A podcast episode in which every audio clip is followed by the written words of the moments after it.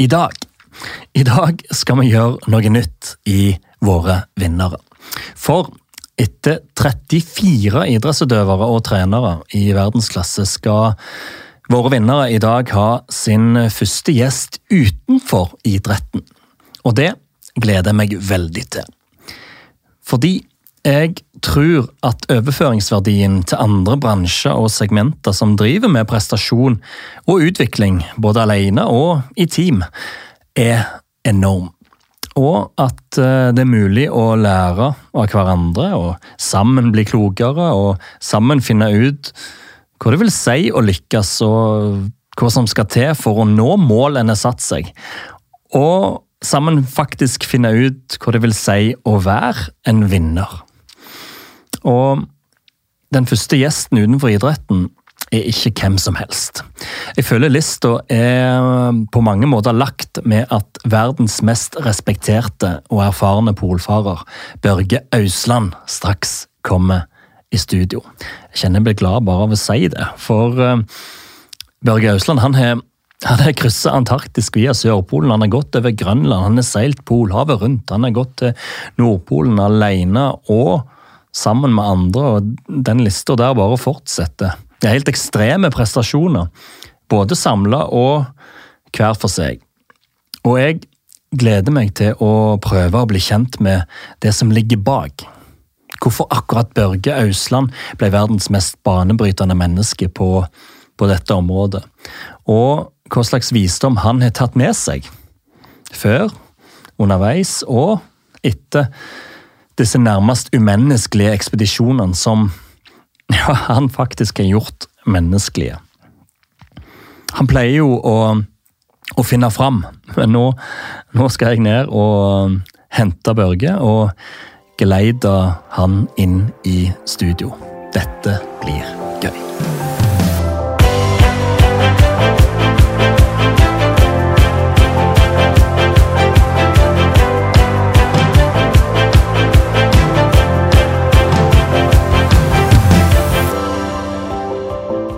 Navn? Børge Ausland. Tittelyrke? Ja, jeg pleier å si polfarer, men uh, yrket er faktisk dykker. Ah, Ja. det vil jeg høre litt om. ja da, det er eneste jeg har utdannelse som. Hvor er du fra? Jeg er vokst opp på Nesodden. Første minne av mestring? Ja, du, jeg har tenkt en del på det. Um, eh, jeg tror den minnet av mestring er jo sånn som begynner veldig tidlig. Fra det første gang man får til en sånn Lego-figur eller noe. Eh, men jeg tror kanskje det var da jeg tegnet en fin tegning. Jeg husker jeg tegnet en tegning av en bille. Som var veldig fin, og jeg var helt sikker på at dette her, dette var et mesterverk.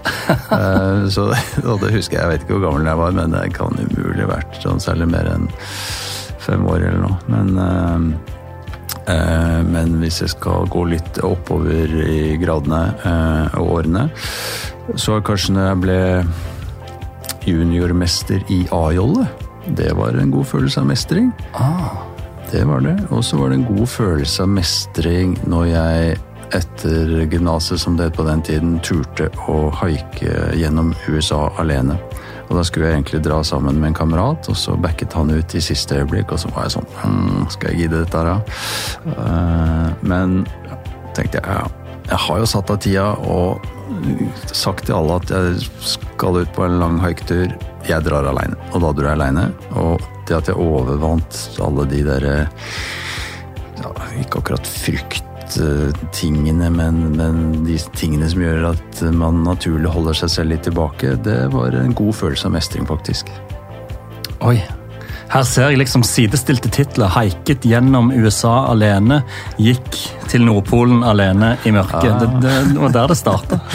Ja, I hvert fall eh, den eh, gode følelsen Ja. av å og, og, mm, klart noe, eller overvunnet sin, eh, ja, sine egne svakheter, da kanskje. Ja. Største opplevelse i karrieren? Ja, i karrieren eh, Da må jeg jo ta fram selvfølgelig den polfarerkarrieren, for det er der jeg har på en måte strukket strikken kanskje lengst. Og mm, det er nok den, den største opplevelsen da var når jeg kom fram til Nordpolen 21.4 i 1994 på den første soloturen.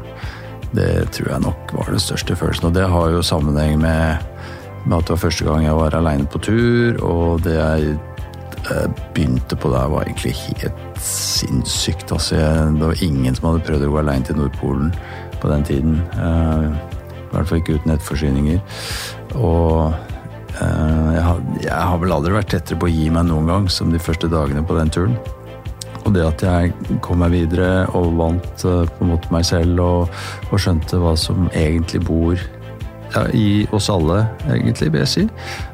og også gjennom det med Eh, og eh, at eh, ved å utfordre seg selv, det er der man når nye nivåer.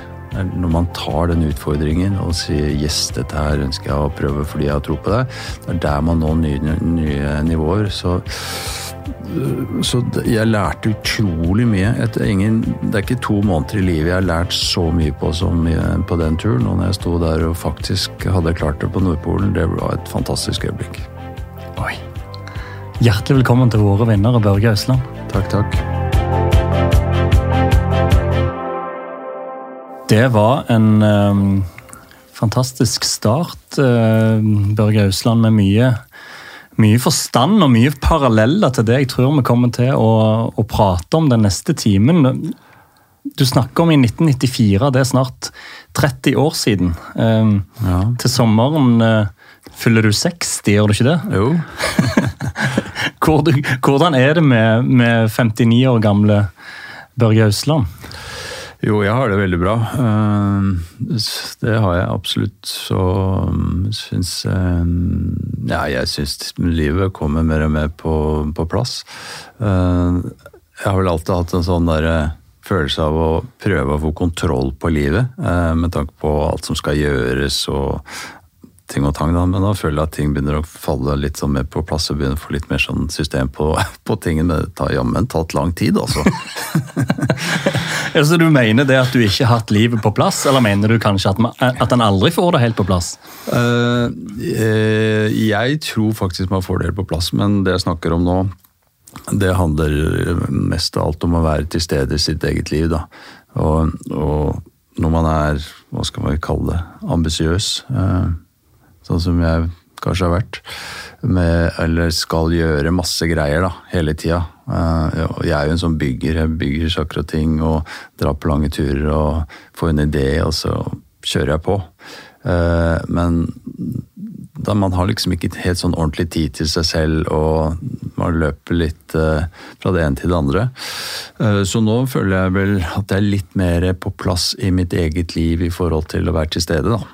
Og det er positivt for meg. Og forhåpentligvis de rundt meg. ja, Men hva er det som har gjort at du ikke har klart å være til stede, da? Det tror jeg er et sånt generelt problem som vi alle sliter med. At vi alltid jobber for noe som skal skje i morgen. Og, og hvis du gjør det, så kommer jo på en måte den morgendagen aldri. For du liksom alltid jobber mot noe som du planlegger inn i fremtiden. Uh, og det er jo det som er så fint med å dra på ekspedisjon, for da blir du Eh, tvunget til å være til stede her og nå, for du forholder deg til absolutte sannheter som eh, kulde, vær, vind, er isen trygg, isbjørn, progresjon alle mulige sånne type ting å vare på deg selv. Så da er, du, da er du helt sånn fra sekund til sekund til stede, og den følelsen den savner jeg egentlig veldig. Eh, og har ikke ikke vært så flink til å hente opp den i det daglige, men nå har jeg begynt å bli bedre til det. Og det tror jeg kanskje har med uh, det å bli eldre, selvfølgelig, men også den refleksjonen uh, rundt uh, ting som skjer i dagliglivet, og kunne sette pris, på litt mer, pris på litt mer de små tingene, da. Men når du er 100 til stede, som du sier, på disse ekspedisjonene, så er du til stede altså enten alene eller sammen med én eller kanskje to partnere. Mens de du kanskje aller helst vil være til stede for, de er hjemme. Er det noe du reflekterer over mens du er i, i Sødet? Ja, det er absolutt noe jeg reflekterer over. Og de, når jeg drar hjemmefra, f.eks., og på den siste turen eh, krysset Nordpolen og skulle ut på noe som virkelig var ja, vanskelig eh, og utrygt, da dro jeg hjemmefra 20. august, og det var samme dag som dattera mi var første skoledag det året. Og det å si farvel og dra ut på noe sånt, det føles jo rett og slett helt meningsløst. Eh, totalt. eh, så, så de, de, tingene der kjenner jeg på. Så, så der Men, men ja, der prøver jeg Der tror jeg faktisk jeg har blitt flinkere, og med å være til stede i forhold til familien. Det har jeg. Men jeg kjenner på de tingene der. Det jeg lurer litt på, Børge, det er Altså, en ting er at du er ja, kanskje verdens mest erfarne polfarer i øyeblikket. Men det jeg lurer på, er hvordan, hvordan du blei det. Hvorfor du sitter her nå som 59-åring og snart 60-åring og har tatt alle disse ekspedisjonene. Har kryssa Antarktis via Sørpolen og gått over Grønland og seilt Polhavet rundt og gått til Nordpolen i mørket. Hvordan, hvordan ble Børge Ausland Børge Ausland? Hvor starta det? Tja øh, Jeg tror kanskje jeg har alltid hatt den eventyrlysten i meg, helt fra jeg var helt, Så lenge jeg kan huske. De første minnene jeg har fra det, var når vi, når vi som familie dro på båttur langs kysten. og Da, dro, da var vi seks stykker i en ombygd livbåt på 24 fot. helt, helt ned til svenskekysten og Mandal, hvor faren min var fra. Og i ganske sånn trangt, trangt tilværelse i en sånn liten båt, men vi tenkte ikke over det engang. Det var bare en del av livet.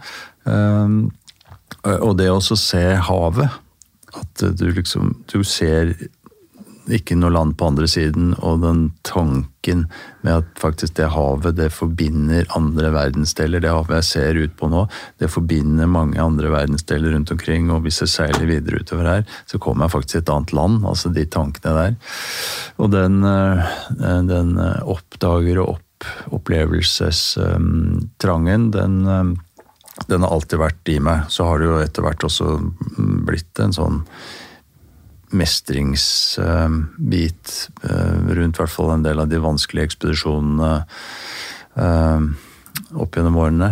Gradvis. Men jeg tror det har mye med å se mulighetene og ta tak i de mulighetene som, som er der, og forme de og bli den du ønsker å bli, rett og slett. Prøve å være litt sånn tro, tro mot seg selv, da. Men du vokste opp på Nesodden med hav på, hav på alle kanter, og, og, fikk på en måte det inn i, inn i, mentaliteten fra tidlig, da, eller? Ja, var, ja da. Det er faktisk det. Sånn, det er hav på de fleste kanter på Nesodden. Jeg bor jo helt ute på tuppen, ute på Nesoddtangen til og med. Ja. Så vi var veldig mye på sjøen og seilte mye. Så, så, og, og og der gjennom oppveksten så ble jeg også veldig interessert i dykking. For jeg drev mye og Jeg var ja. ute og svømte rundt lenge etter at de andre hadde forlatt stranda. Da lå jeg og frøys ned i vannet med maske og snorkel og skulle kikke på det som var under vann. Og, og, og så er det kanskje litt tilfeldig, vet ikke. Men så var det noen som drev og jobbet som dykkere på Tangenbrygga, og så hadde jeg vært ute og reist litt. Vært på interrail, kom hjem derfra. Og så spurte jeg om de trengte hjelp, for jeg hadde ikke noe jobb eller noe sånn, visste ikke hva jeg skulle. Og så fikk jeg jobb. Da, og da hadde jeg sportsdykkersertifikat på den tiden, og da trengte du ikke noe mer enn det. Så fikk jeg jobb um, i det dykkerselskapet, og det tok meg igjen da til Nordsjøen, hvor jeg begynte i 1984 og jobbe som dykker i Nordsjøen. Og der traff jeg to andre karer som også jobbet som dykkere, Agnar Berg og Jan Morten Ertsås. Og vi begynte å planlegge en Så hadde lyst til bare å gjøre noe, rett og slett. Dra på et stort eventyr. Og så begynte vi å snakke om Grønland. Og i 1986 så gikk vi over Grønland sammen. Og det var den første turen. Så det begynte i dykkermiljøet? Det begynte i dykkermiljøet. Men det dykkermiljøet, når du, når du nevner det, det må ha gjort noe med deg. Altså Det å være nordsjødykker på 80-tallet, det er ingen kjære mor. Hva, hva, gjorde det med mentaliteten din og, og den, den du var og den du er? Jeg tror det har vært veldig viktig. Jeg jobbet jo der ute i ti år. og det, Hvis du har sett Lykkeland, så ser du jo faktisk hvordan det, hvordan det var å jobbe som dykker i Nordsjøen. Så det var jo um, krevende. Teknisk krevende. Veldig, veldig spennende. Veldig mye fine folk å jobbe med. Og Det er egentlig derfor jeg ble der så lenge, fordi var, jeg likte de jeg jobbet sammen med.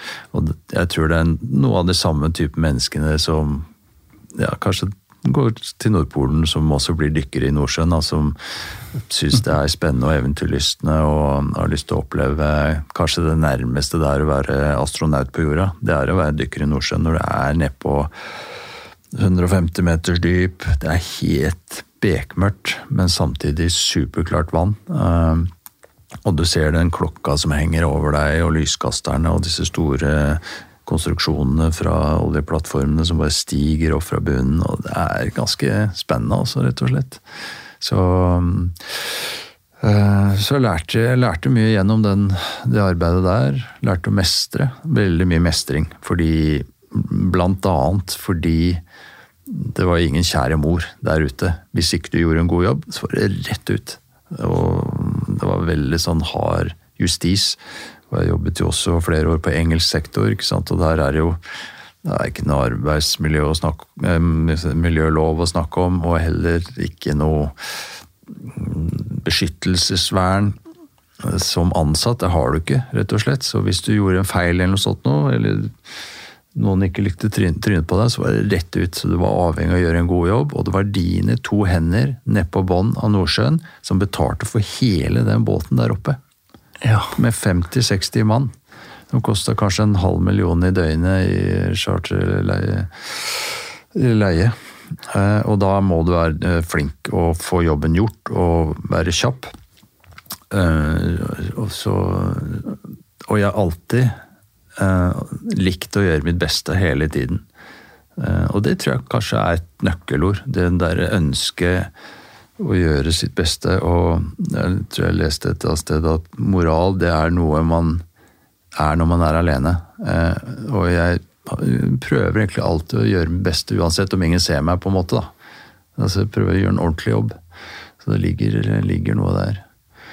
Um, og så En annen ting som jeg lærte fra dykking i Nordsjøen, som jeg tror også var verdifullt i forhold til ekspedisjoner Nå prater jeg masse her. Altså. Det er helt nydelig.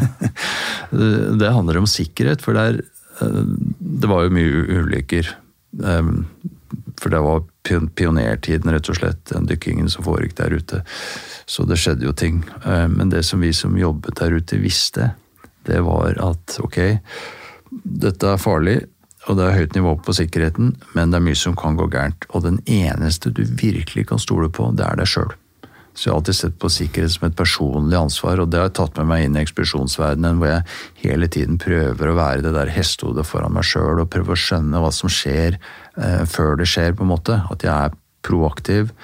Og, og i planleggingen så prøver jeg akkurat som jeg, man, planla jo disse dykkene ganske godt, faktisk. Alt som skulle gjøres, var nøye planlagt. Og når jeg drar på ekspedisjon, så planlegger jeg ok, hva er det som kan gå gærent her nå.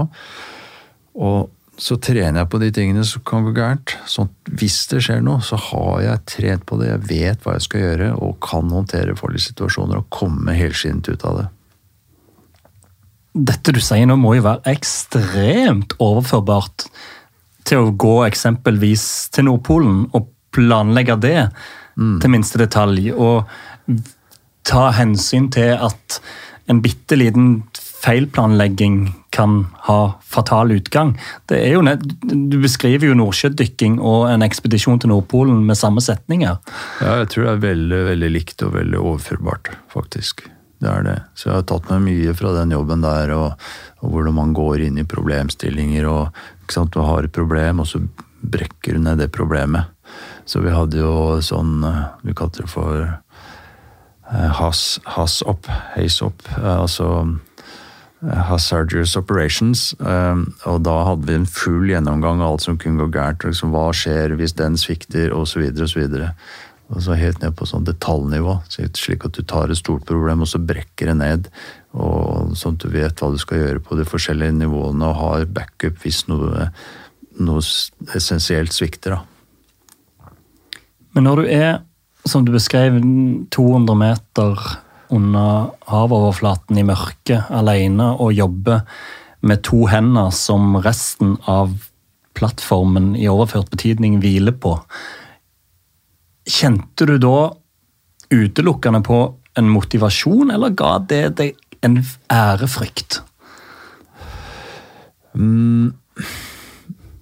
Eh, kanskje litt sånn begge deler, eh, egentlig. Men jeg var mest opptatt av å også, også prøve å gjøre en god jobb, rett og slett. Altså. Jeg var det. Eh, var du aldri redd? Nei, egentlig ikke du er alltid litt sånn, du er alltid på vakt når du jobber med de tingene der, da. Spesielt hvis det var nye, nye jobber du skulle ut på, visste ikke hvordan det så ut der nede og sånne ting. Og så jobbet også på hollandsk sektor, og da var det dritdårlig sikt. Du så ingenting. Det er ikke noe hyggelig. At du vet Har du sikt under vann, så er det ganske greit.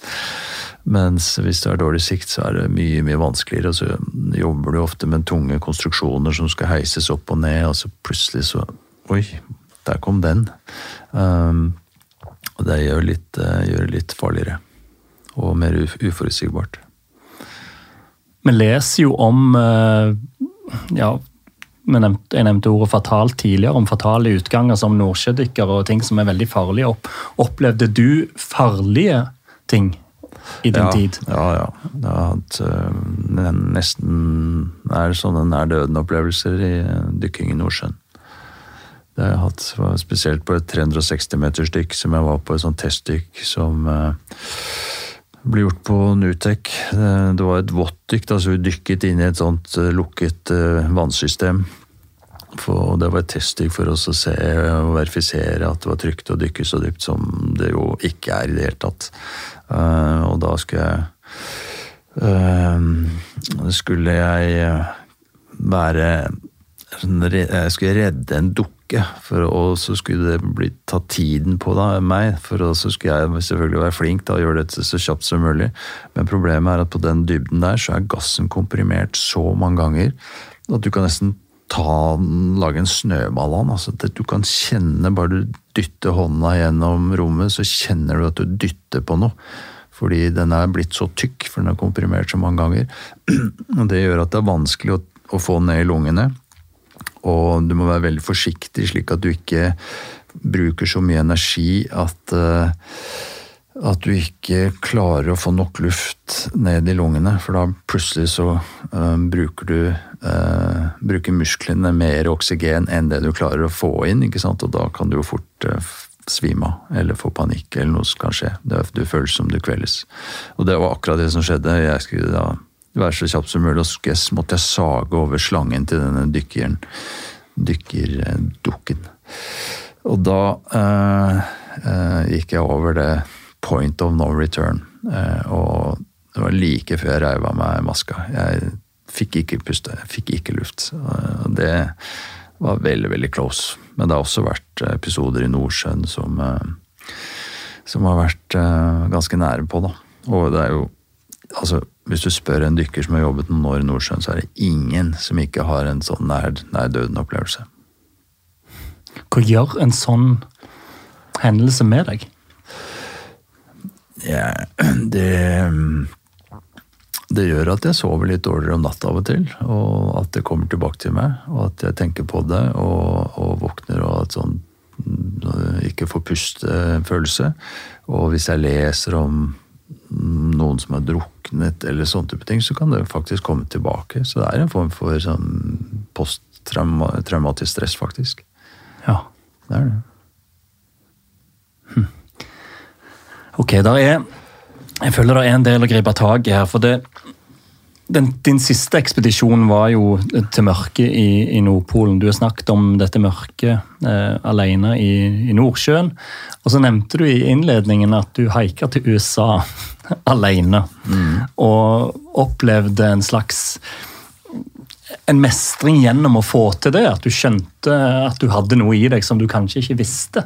Eh, hva var det som lå bak det valget om å prøve å komme seg til USA i den tiden? Nei, Det var jo at jeg og en, en, kompis skulle på tur og oppleve noe. Eh, rett og slett. Og bruke sommerferien mens vi da gikk på videregående. Eh, mellom andre og tredje året på videregående til å oppleve noe. Eh, det var det som var bakgrunnen for det, rett og slett. Det var ikke noe høyere mål enn enn å dra til USA. Men det å dra til USA på den tiden alene, det er ikke som å dra til USA alene i fjor? Nei, jeg vet ikke om det er lettere eller verre eller vanskeligere nå enn før. Eh, men det var litt mer komplisert å komme seg dit, da, fordi nå kan du bare hive deg på et fly fra Gardermoen, men på den tiden kosta det jo masse penger å fly til USA. Eh, men det fantes noe som heter Laker Skytrain, som eh, var i London, og da kosta det bare 1000 kroner. Husk på 1000 kroner den gangen, det var ganske mye penger. Ja. Men det var det billigste som fantes. Så jeg haika fra Oslo til London, eh, og så fløy jeg til, med Laker Skytrain til um, New York. Um, og det var, jo, det var jo datidens Ryanair, kan du si. Det eksisterer nok ikke lenger nå. Å komme opp av undergrunnen i New, York, i New York og disse store avenuene og se disse svære skyskraperne, det var jo helt fantastisk for en landsens gutt fra Nesodden. Det vil jeg tro. Og hva var det, Du var jo litt inne på det, men hva var det i hovedsak dette gjorde med deg? den opplevelsen der? Nei, Det er jo nettopp det, det å, å, skjønne at hm, ja, kanskje går an å, å gjøre enda, enda, mer og ta det enda videre. Ikke sant? Du føler at du mestrer det, og, og så har du en, for, en sånn forståelse av at, eh, at, det går an å, å, å, kanskje komme enda lenger og gjøre enda mer. Så, så det var en god følelse å, å, gjøre det, og at man opplevde underveis. Og interaksjonen også med andre mennesker um, som du møter tilfeldig det er jo masse sånn tilfeldige møter underveis på en sånn type haiketur. Eh, og du, jeg ble jo bedt med hjem til familier og opplevde egentlig mange eh, veldig fine ting. Så det var spennende. Hm. Største opplevelsen du har hatt? Da nevner du Nordpolen-turen i 1994. Hva var det som var så stort med den, fra begynnelse til slutt? Nei, Det er jo det at man får en idé, og så setter seg et mål, eh, og lurer jo på om det eh, i det hele tatt er mulig å gjennomføre. Og så tror du såpass mye på det at du bestemmer deg for at ok, dette her skal jeg gå for.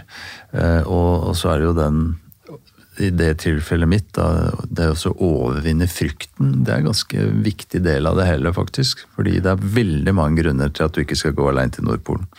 Det er eh, 1000 km med skruis, og det er beinkaldt, det er isbjørn. Eh, mye som kan skje. Eh, så det er veldig mange gode grunner til å bli hjemme, faktisk. Eh, så det skal litt til. Eh, og, men når du først har overvunnet den frykten Jeg tror kanskje veldig få ting i livet, eh, opplevelser i livet mm, er noe særlig verdt hvis ikke du tør, rett og slett. Stopper det mange mennesker? Jeg tror det stopper mange mennesker. Og, og jeg husker på før jeg gikk til Nordpolen og holdt på med de greiene der, så jeg, jeg følte jo ikke at det var noe spesielt med meg. Jeg tror ikke det er noe sånn helt sånn superunikt med meg, egentlig. Jeg tror alle de følelsene ligger, eh, eller de mulighetene ligger inni inni alle mennesker. Ehm, at man, man kan overvinne veldig veldig vanskelige ting og, og likevel komme helskinnet ut på den andre siden. Men vi er jo forskjellige. Og jeg må jo si jeg har vært heldig. Jeg har jo alltid hatt en familie som har gitt meg troen på meg selv, og, og ikke minst um, jeg har hatt Eh, veldig få begrensninger i oppveksten, egentlig. Jeg har hatt en veldig fri oppvekst, som eh, mange muligheter og få begrensninger. Så, så, jeg har vært heldig sånn sett. Og, uh, så hvis vi snakker om det med, med, viljestyrke og sånne ting, så tror jeg det kan Det er jeg ganske sikker på at, at man kan utvikle. Men, Hvordan gjør en det? Men før vi ja. kommer til det, så, mm. så har vi forskjellige utgangspunkt. Jeg syns selv, tror selv, at jeg har vært heldig som har hatt den oppveksten jeg har hatt med egentlig sånne få sånne store setbacks og sånne ting. Jeg har hatt en forståelsesfull uh, mor og far som har gitt meg ganske frie tøyler og spillerom uten å sette noen særlige begrensninger. Og så er det andre som har opplevd negative ting som gjør at de blir, blir holdt igjen, som igjen da har en større terskel for å tro at uh, de kanskje kan klare uh, det lyst til, det som andre klarer, og som de også kanskje selv har lyst til å klare. Men jeg tror den beste måten å gjøre det på, er uh, å uh, overvinne ta, Overvinne utfordringer gradvis. Steg for steg. For meg, ikke sant, først var det Grønland. Det var i 1986. Og så var jeg på en tur gjennom Frans Josef-land, og så tok jeg et ganske stort steg og dro til Nordpolen sammen med Erling Kagge og Geir Ramby. Og så, det gikk fint, begynte å kjenne litt på muligheten for kanskje å prøve det alene. Jobbet meg gradvis fram til en avgjørelse på det, og så gjorde jeg det og mestret det. Men, og hvis ikke det hadde gått, ok, det er greit. Hvis det ikke går, hva gjør du? Du tar et steg tilbake. Du lærer, og du prøver på nytt, kanskje på en annen måte men du gir ikke opp. Og du har jo ikke egentlig gitt opp før du har sluttet å prøve. Så, så jeg tror det er mulig å bygge den viljestyrken sten for sten, nivå for nivå. Det er klart at hvis jeg, når jeg over Grønland, 23 år gammel, i 1986 og, og jeg hadde møtt deg, og du sa at du Børge, du kommer til å gå aleine til Nordpolen, du. Jeg ville ikke trodd det da, men å ta det steg for steg, gradvis bli bedre. Og så, og så, åpner de dørene der. Eh, men man må hjelpe de dørene opp. Men, eh, men eh, de fins der. Noen trappetrinn opp i fremtiden. Men må en ha et sånn, ja, skal en kalle det nordsjødykkersegment tidlig i livet som bygger karakter for å sette han i stand til å starte denne trappa? Kanskje. Og Altså det vi, også, også den podkasten din er veldig preget av, er jo at det, man, det handler om å vinne og mestre. Men det er helt greit å ikke ønske det. Mm. Eh, men hvis man er en ambisiøs type uh, som uh, De som har lyst til å vinne, er jo gjerne det. De har, de har, lyst til å mestre, de har lyst til å vinne, de er ambisiøse. Hvis man har det genet i seg, så tror jeg det er um, Det meste er mulig. Um, så lenge man liker å holde på med det man ja, Det er jo forutsetning. Å trives med det man driver med. Jeg tror bare bli, Hvis du skal bli best på noe, det kan du bare bli hvis du, hvis du liker å holde på med det. Du må på en måte finne din greie, da. Og Det du sier der om å vinne, og at denne podkasten er opptatt av det, og så lurer jeg litt på altså Det jeg i hvert fall prøver å være litt opptatt av, det er hva vil det si å vinne?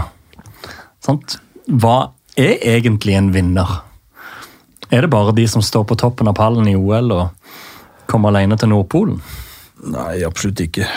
Uh, og jeg vet ikke hva, hvordan jeg skal definere en vinner, men jeg vet, jeg vet, hvordan man blir en vinner. Det vet jeg nok. Og for meg så handler det om å, uh, å sette, seg et, uh, sette, seg et, mål, og tørre å ta steget. Uh, sette seg et mål og, og, som man selvfølgelig har klokketro på, beintro på at dette her, det, det, kan jeg faktisk klare, men skal jeg tørre? Og så tørre å ta det steget. Og så er det én ting som i hvert fall gjelder for meg, eh, og det er jo hardt arbeid. Det er ingenting som kommer gratis. Jeg har ikke fått noe gratis, føler jeg. Hvor tidlig fikk du det inn? Og hvordan fikk du det inn? Eh, nei, det er vel kanskje fordi jeg kommer fra en sånn jobbefamilie. som alltid har jobbet med, for å få til ting. Eh, og når jeg vokste opp, så var det ikke mye, det var ikke mye penger i omløp. Eh, man måtte liksom spinke og spare og være flink med, med det. Og, og visste at, at, skal maten stå på bordet, så må det faktisk jobbes. Og når tomta skal bli fin, og faren min og moren min de bygde jo opp der, den tomta, det huset vi vokste opp på på Nesodden, omtrent sånn med egne hender. Flytta mye stein. Så liksom, det alltid vokste opp med det, da. Så det kommer nok fra oppveksten. Men hva har vært drivkraften din for alle disse ekspedisjonene? Altså, du har nådd et mål, som du sier her, og så setter du deg nye. Mm. Altså, hva har vært drivkraften din over så lang tid? Du har holdt på med dette over 30 år nå. Ja, en sånn entusiasme egentlig for uh, de store opplevelsene. Det er faktisk da sånn når jeg uh, ligger der og tenker tilbake om noen år, så er det jo de store opplevelsene jeg kommer til å tenke på. Det er jo det. Uh, og det er, det er, på en måte det er, det er, de som gjør det hele verdt. og mitt, det, er jo, det er jo noen som tror at de ekspedisjonene mine handler om at alt skal være så spennende og nesten sånn nær døden-opplevelse. men uh, Fordi det, noen av de er jo ganske farlige. Uh, men, det handler faktisk om tvert imot å være nær livet. Nær livet-opplevelser. Det er det vi har fått x antall dager her på jorda. Det er på en måte gitt. Uh, vi skal dø en gang, og jeg ønsker å fylle de dagene med mest mulig opplevelser og positivitet. Eh, og for meg så har det vært å eh, ta utfordringene i de polare områdene. Eh, men det kunne godt vært noe helt annet. Men jeg har tro på å gjøre noe man har forutsetninger for å bli god på, og som man liker å drive med og trives med, og ta den helt ut. Så, så hadde jeg vært franskmann, så hadde jeg kanskje drevet med seiling eller noe annet. Men siden jeg er nordmenn og vi har den polartradisjonen vi har, og jeg liker snø og vinter, og da ble det polområdene. Disse nær livet-opplevelsene, blir de enda sterkere når du har vært igjennom nær døden-opplevelse? På en måte. Uh, fordi det spennende uh, handler jo også om å være ute på ytterkantene. Og kikke litt over kanten. Eh, og det betyr at du for å få de store opplevelsene og virkelig komme helt sånn, så, så, følger det dessverre med I hvert fall i mitt tilfelle, da. Eh, noen farlige eh, situasjoner som man helst bør forberede seg på å komme unna og, og mestre. Men det er faktisk en god mestringsfølelse, det å klare en, en farlig situasjon. da. Men jeg liker jo å forberede meg godt, og, jeg ser jo på kanskje som min aller største oppgave er jo å være gjøre turen så trygg som mulig. Jeg søker ikke fare for farens del, jeg søker de store opplevelsene. Men da aksepterer jeg at eh, jeg får med det på kjøpet, og da er det min oppgave å prøve å håndtere det på en best mulig måte. Du, Hva er det mest tilfredsstillende? Å plante flagget på Nordpolen, eller er det veien til plantingen? Det er helt klart veien til plantingen. Hvorfor det? Jo, for det er der eh, jeg er inne på det med opplevelsene. Det er underveis du får de store både oppturene og nedturene opplevelsene. Eh, det å plante flagget er bare et slags punktum på at du ja, faktisk har fått det til og klart det, mens, mens, det er jo alle de skrittene, alle de millioner av skrittene som tar deg fra start til, slutt, og alle de vanskelighetene du må overvinne underveis, som gjør at du faktisk kan plante det flagget. Og det er jo de opplevelsene der som er så spennende, syns jeg, da. Og jeg må nevne en ting til som uh, kanskje er noe av det aller viktigste. Det er å være i naturen. Det betyr mye for meg å være mest mulig i naturen. Å komme så tett på naturen som mulig. Det, eh, det er min arena for utfordringer. Det er naturen.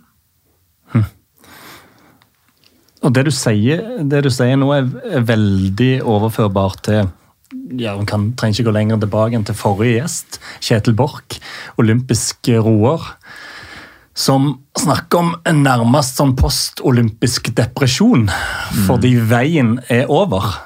Og ja, medaljen er tatt, men det er veien og prosessen som, som gir han aller mest, og så står han der, og så blir det tomt. Ja. Det er ganske likt. Ja, men jeg har faktisk ikke hatt noen sånne tomhetsfølelser når jeg kommer hjem fra sånne ekspedisjoner. Og det tror jeg handler veldig mye om, om, om eh, det perspektivet. Eh, altså, for å prøve å forklare litt, fra når jeg drar på en vanskelig tur, så er jeg gjennom ufattelig mye savn og sulter Altså når jeg kom fra den der Nordpolturen i 1994, da veide jeg 62 kilo når jeg kom fram. 62. 62, ja. Og, så, og det eneste jeg tenkte på var mat og trygghet, varme dusjer og bare det å ligge på en vanlig seng, og slippe å være redd for at isen skulle sprekke opp under teltet, sånne ting. Og når jeg endelig da kom fram, så er det plutselig ikke noe å lengte etter lenger. Men det å kunne likevel sette pris på de små tingene, skjønne det at den varmtvannsberederen som gir varme til den dusjen, og det å kunne bare gå bort på kjøkkenet og ta et glass lunka vann ut av springen. Det er en ufattelig luksus. Bare ting, og det å tenke over sånne små ting, og reflektere litt over det, uh, istedenfor bare å ta det for gitt, det har jeg lært meg til. For hvis ikke du klarer det, da blir jo alt meningsløst. Da vil du hele tiden hige mot noe som er enda større og bedre enn det du har gjort før. Så, så det å ta livet litt tilbake og, og være glad for at eh, jeg har god helse, har venner, familie, er født i Norge, er liksom 1% av den rikeste befolkningen i verden. Sånne små ting som er fort gjort å, ta for gitt. Reflektere litt over det, det tror jeg er superviktig for å unngå den derre å, nei, den grå hverdagsfølelsen etter at du har gjort en stor ting. Hverdagen er ikke grå, den er helt fantastisk. Ja, det er ord til ettertanke. Og hverdagen er verken grå eller bekmørk, som det var i er det 1500 km på ski i mørket til Nordpolen, som er den siste ekspedisjonen i 2019. Det jeg lurer på, er hvordan en kan bestemme seg for å gjøre noe sånn, og rett og slett frivillig gi seg ut i et mørke, et, i et uendelig mørke, som det er. Ja det, For å forstå det, så må man kanskje da sette seg litt sånn inn i eh, også alt jeg har gjort tidligere, da. Og Mike Horn, som jeg gjorde den turen sammen med, Ja. han og jeg, vi gikk til Nordpolen sammen i 2006, faktisk i mørket. Ja. Eh, og det var på den turen vi la grunnlaget for det som vi gjorde i 2019. Der lærte vi alle triksene i boka, hvordan vi håndterte kulde og mørke og kom over åker og fuktigheten som oppstår fordi det ikke er noe sol som tørker ut utstyr. Alle de tingene lærte vi, lærte vi der. Så jeg hadde jo det med meg, så jeg hadde jo en litt annen forståelse øh, for å skjønne at det var mulig, enn kanskje deg eller andre. Definitivt. Men, eh, og, og, og i tillegg, eh, med det som bakteppe, så hadde Mike og jeg troa på at dette her, dette kan vi faktisk klare. Vi trodde det. Og det er det som er grunnen til at vi gjorde det. Vi trodde hele tiden på at dette her, det kan vi faktisk klare. Vi hadde liksom regna ut at, at det var mulig, og at vi, hadde, at vi var de to som hadde, hadde en sjanse til å få dette til. da. Det er nok ikke mange andre som, enn oss to, med kombinasjonen selvfølgelig da, av hans erfaring og min erfaring, som gjorde at den turen er mulig. Og det er jo et godt bevis på det at man kan få til bare så utrolig mye mer når man er flere, når man er to, enn en aleine. Så det var spennende å gjøre soloturer, men, men nå gjør jeg heller turer sammen med andre, fordi, nettopp fordi det, man kan få til mye, mye mer. Og, og med å jobbe sammen eh, som et team og få til å fungere. Og så er det hyggeligere. Ja. Det, det, det der syns jeg er litt interessant, for det at du Mike Horn har jo erobra verden litt på samme måte som deg. Eh, kanskje enda mer på en annen kant av verden. Og så kommer dere to, som kanskje i utgangspunktet er to solotyper, og så skal dere jobbe som et team. Hvordan er det? Ja.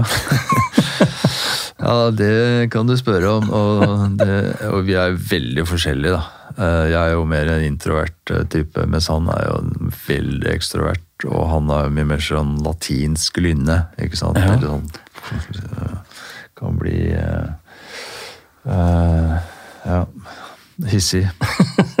um, og uh, mens også jeg er mer den der kjølige, nordiske, overlegne, arrogante, ikke sant. Så den kombinasjonen der Det er ikke det beste utgangspunktet, altså. Og begge to sånne solotyper. Så, men det som gjorde at vi eh, fikk det til allikevel, det ene var at vi hadde stor respekt for hverandre. Vi hadde respekt for de tingene vi hadde gjort hver for oss. Og han visste eh, hva han gikk til, og han visste hvem jeg var, og jeg visste hvem han var.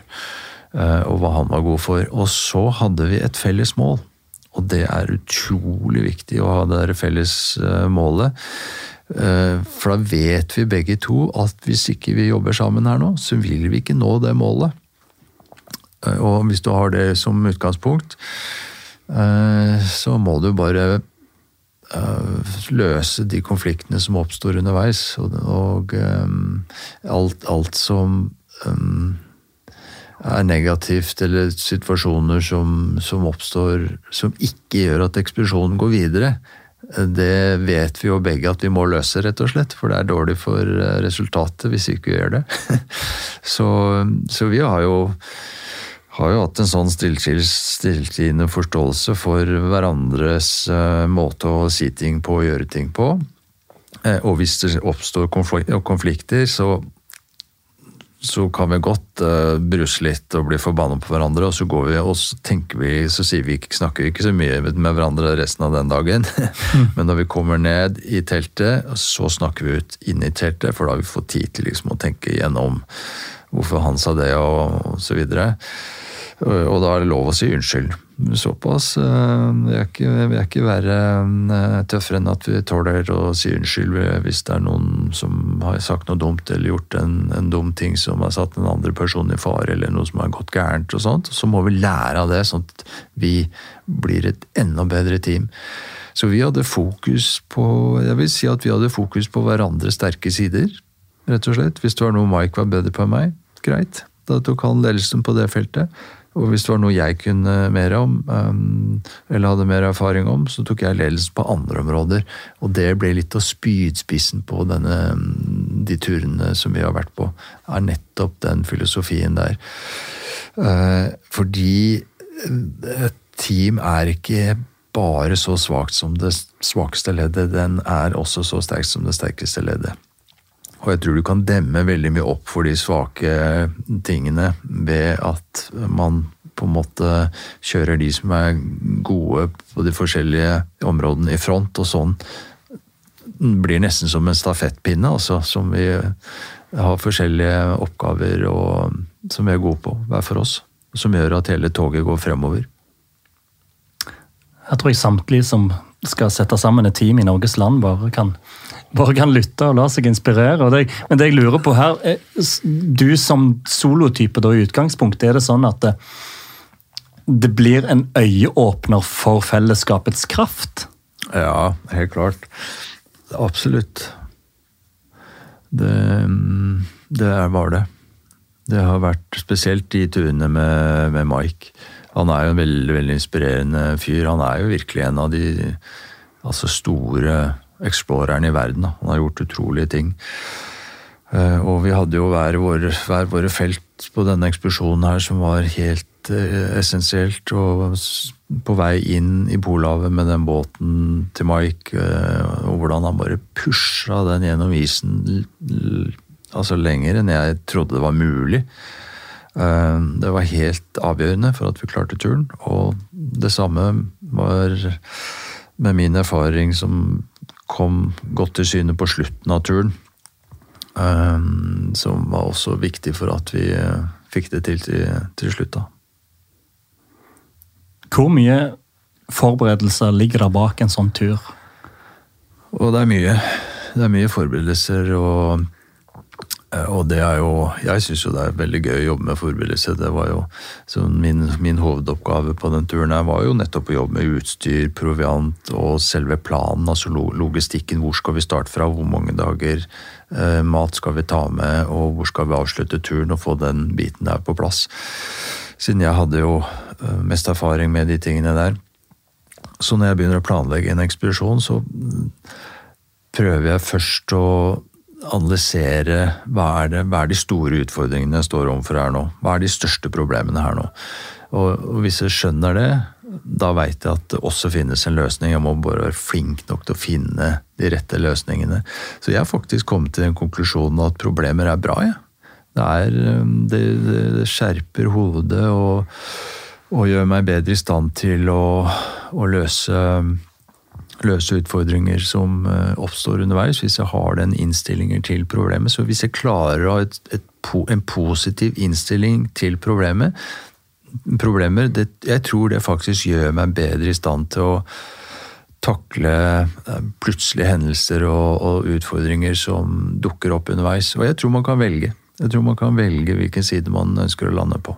Og jeg tror også at det, den innstillingen gjør meg bedre rustet til å bli robust, da. Rett og slett. Hm. Hvordan er forskjellen på mestringen av å tegne en bilde som femåring, og det å komme fram til et mål i en ekspedisjon? Ja um det har vel kanskje litt med å glede seg over ting, tror jeg. Uh, og jeg tror ikke jeg ville klart å gjøre uh, glede seg over å, få det til. Men, men, det er også kanskje en annen sammenligning her, og det er, er det å kunne løfte hodet og, og, se rundt seg og skjønne at uh, hvis hvis jeg, tenker på at du går på en lang ekspedisjon til Nordpolen f.eks., mm. at det går jo gjennom en eneste stor kunstutstilling hver dag. Hvis ikke jeg hadde hatt med en det En kunstutstilling? Ja. Hvis jeg ikke hadde hatt med det perspektivet der, så ville jeg aldri klart det. Hvis det bare er målet som betyr noe, at du skal fram for enhver pris, så er det nesten så mentalt sett for langt og, og pine seg gjennom noe sånt i, i to måneder. Eh, et ufattelig slit hvis ikke du underveis klarer å stoppe opp eh, og se rundt deg og skjønne at fy filler'n, så vakkert det er her. Se de formene og farvene i skruisen, og tenk at jeg kan få lov til å oppleve dette her.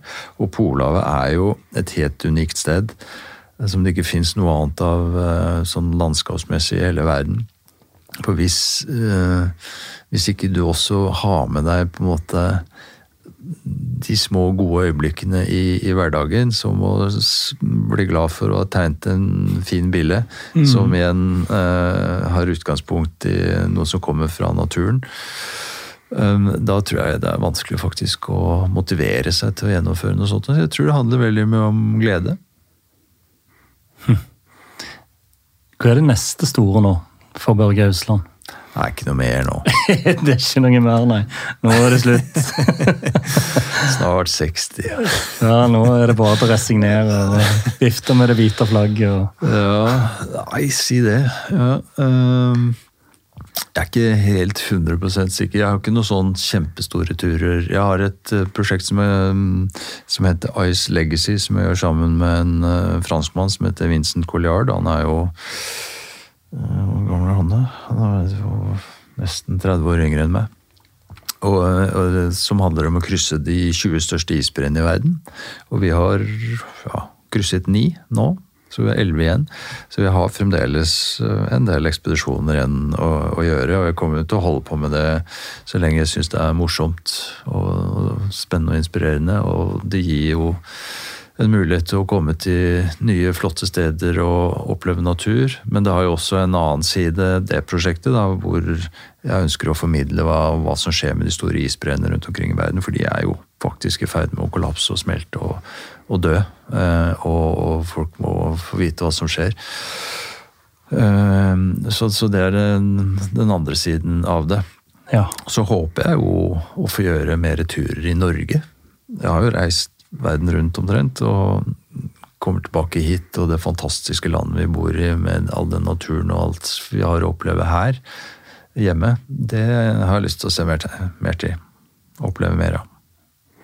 Hva er den største forskjellen på mentaliteten og mindsettet til Børge 23, som gikk over Grønland, og Børge snart 60? jeg tror kanskje mindsettet var litt mer umodent enn jeg var 23. Det vil jeg tro, så jeg tror nok det er blitt mer modent. Jeg vet hva jeg kan og er kan få til og, og, sånne ting. Da var jeg mer sånn usikker på det og var mer sånn søkende og prøvende. Uh, men jeg tror nysgjerrigheten og gleden med å være på ekspedisjon, den er likedan nå som den gangen. Hva er den sterkeste og tydeligste livsvisdommen du kan dra ut av disse vel 30 årene med eventyrskap? Oh. Det var et stort spørsmål. Jeg er dårlig på å være sånn uh, uh, Hva skal vi hete Hva skal vi kalle det? Uh, livssynser, egentlig. For det er så mange veier og, til det målet. men jeg tror kanskje jeg var litt inne på det, på det i sted. også det å sette pris på de små gledene i livet, for å si det veldig kort og enkelt. Og også ha det perspektivet med seg. Man skal sette seg store mål, det har jeg gjort, men, men den balansegangen der mellom det store målet og, eh, som den ene ytterpunktet, og det å ta en tur i skogen og glede seg over å se en maur som drar en barnål og sliter den gjennom eh, skogsbunnen. Eh, det lille livet. Det spranget og det perspektivet der, det syns jeg er to fine ytterpunkter, og begge to bør være med. Jeg syns du sa du ikke var så god til å sette ting i et eh, livsperspektiv. Jeg tror ikke det finnes så mye bedre livsvisdom enn akkurat det der. Ja, kanskje. Tusen hjertelig takk for at eh, du eh, tok deg tid og kom til våre vinnere.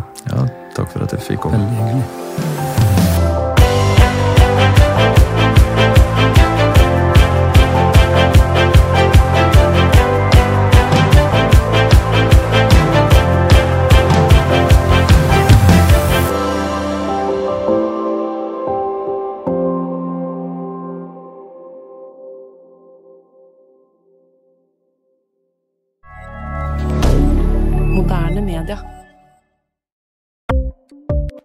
Ukens annonsør er Folio, en smartere banktjeneste for deg som har en egen bedrift eller ønsker å starte for deg selv.